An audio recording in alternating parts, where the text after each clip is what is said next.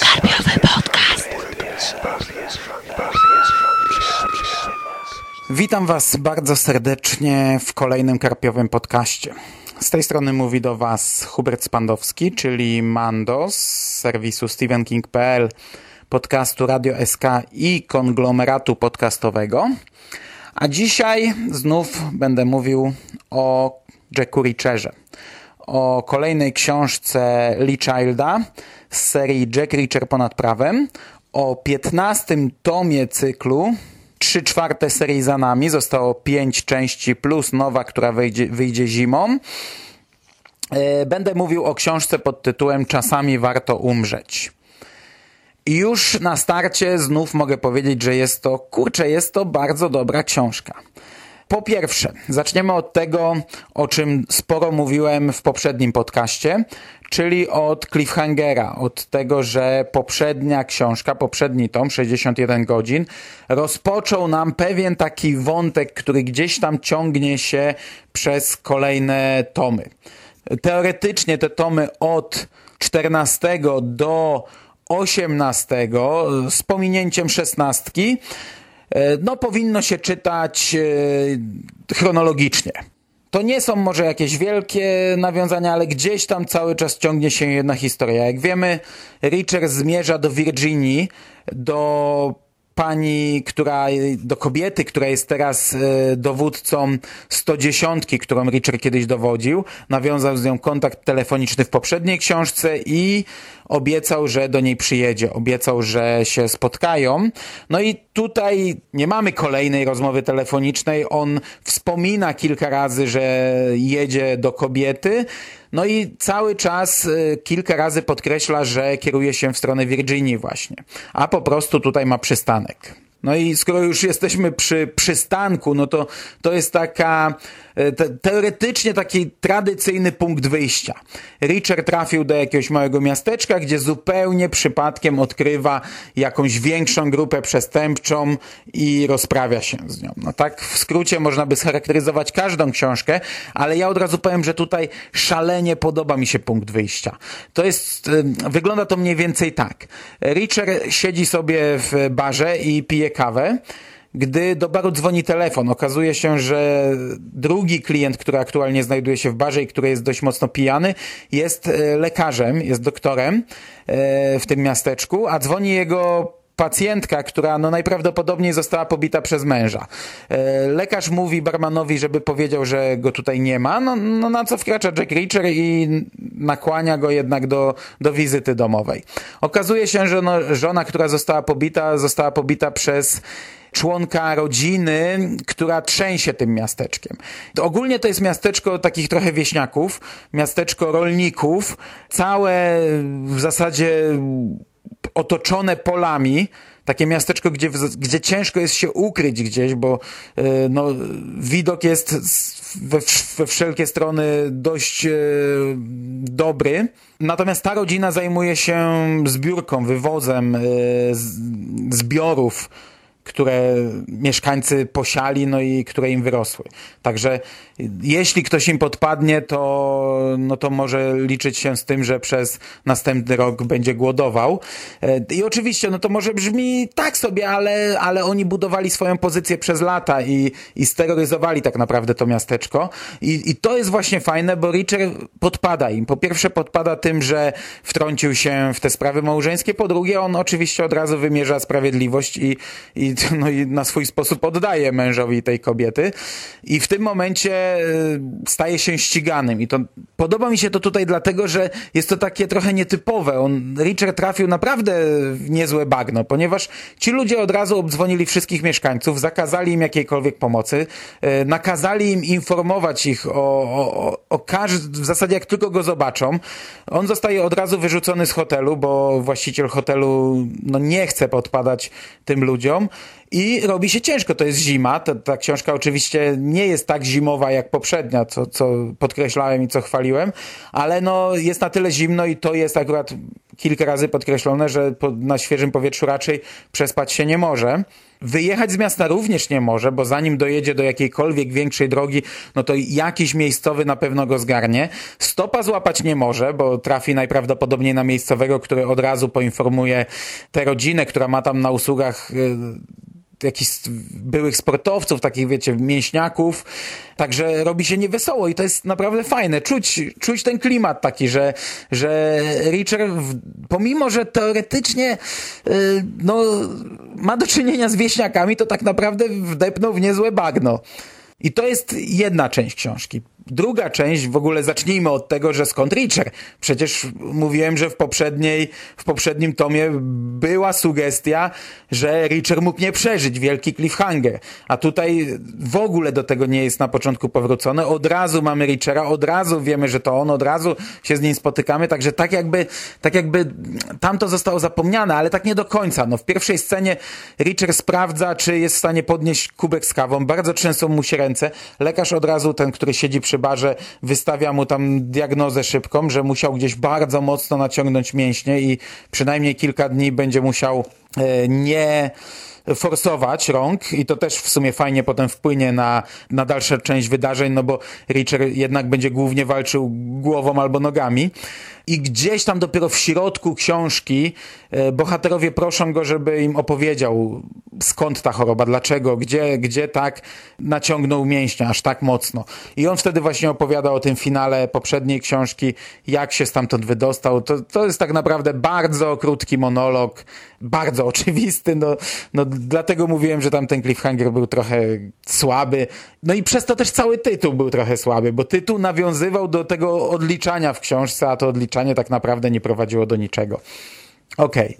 Oprócz tych przestępców, których mamy w tym miasteczku, Mamy tutaj też przestępców w większych miastach, no bo okazuje się, że nasi ci źli bohaterowie z miasteczka są na końcu w ogonie pewnej sieci przestępczej. Oni sprowadzają jakiś towar i to jest trzymane przez całą książkę w tajemnicy, do tego za chwilę wrócę, i ten towar wysyłają dalej, mają swojego odbiorcę, no a tutaj spóźnili się. Coś tam zaważyło, że oni się spóźnili z tym towarem, no i dostawca jest niezadowolony. Oni postanawiają zwalić winę na Richera, że kręci się tutaj jakiś facet, były wojskowy, że oni musieli ukryć towar, nie mogli z nim teraz wyjechać ale że sobie z tym poradzą. No ale że dostawca jest niezadowolony, przysyła również swoich ludzi. I tutaj mamy fajnie na samym początku przedstawioną hierarchię grup przestępczych. No bo ci nasi tutaj wioskowi przestępcy trzęsą całym miasteczkiem. Ale ich odbiorca trzyma za jaja ich i to tak potężnie. Oni tam no, trzęsą nieźle protkami przed nimi. Ale okazuje się, że to nie koniec tego łańcucha. Ten odbiorca przesyła gdzieś ten towar dalej i to jest już zupełnie inna liga przestępców, którzy po prostu trzymają w ryzach odbiorców naszych tutaj y, przestępców z naszego miasteczka. Ale okazuje się, że to jeszcze nie koniec, że wyżej jest jeszcze kolejny odbiorca, w ogóle wielka, gruba, przestępcza ryba, która tam jak tylko się odezwie przez telefon, to ten, który jest na trzecim szczeblu y, robi po gaciach, a on jest przecież takim bossem, że ten, który jest na drugim szczeblu, to trzęsie, trzęsie kolanami przed nim, a ci nasi tutaj wielcy przestępcy, którzy trzymają całe miasto w ryzach, trzęsą przed tym z pierwszego szczebla. Rozumiecie o co chodzi?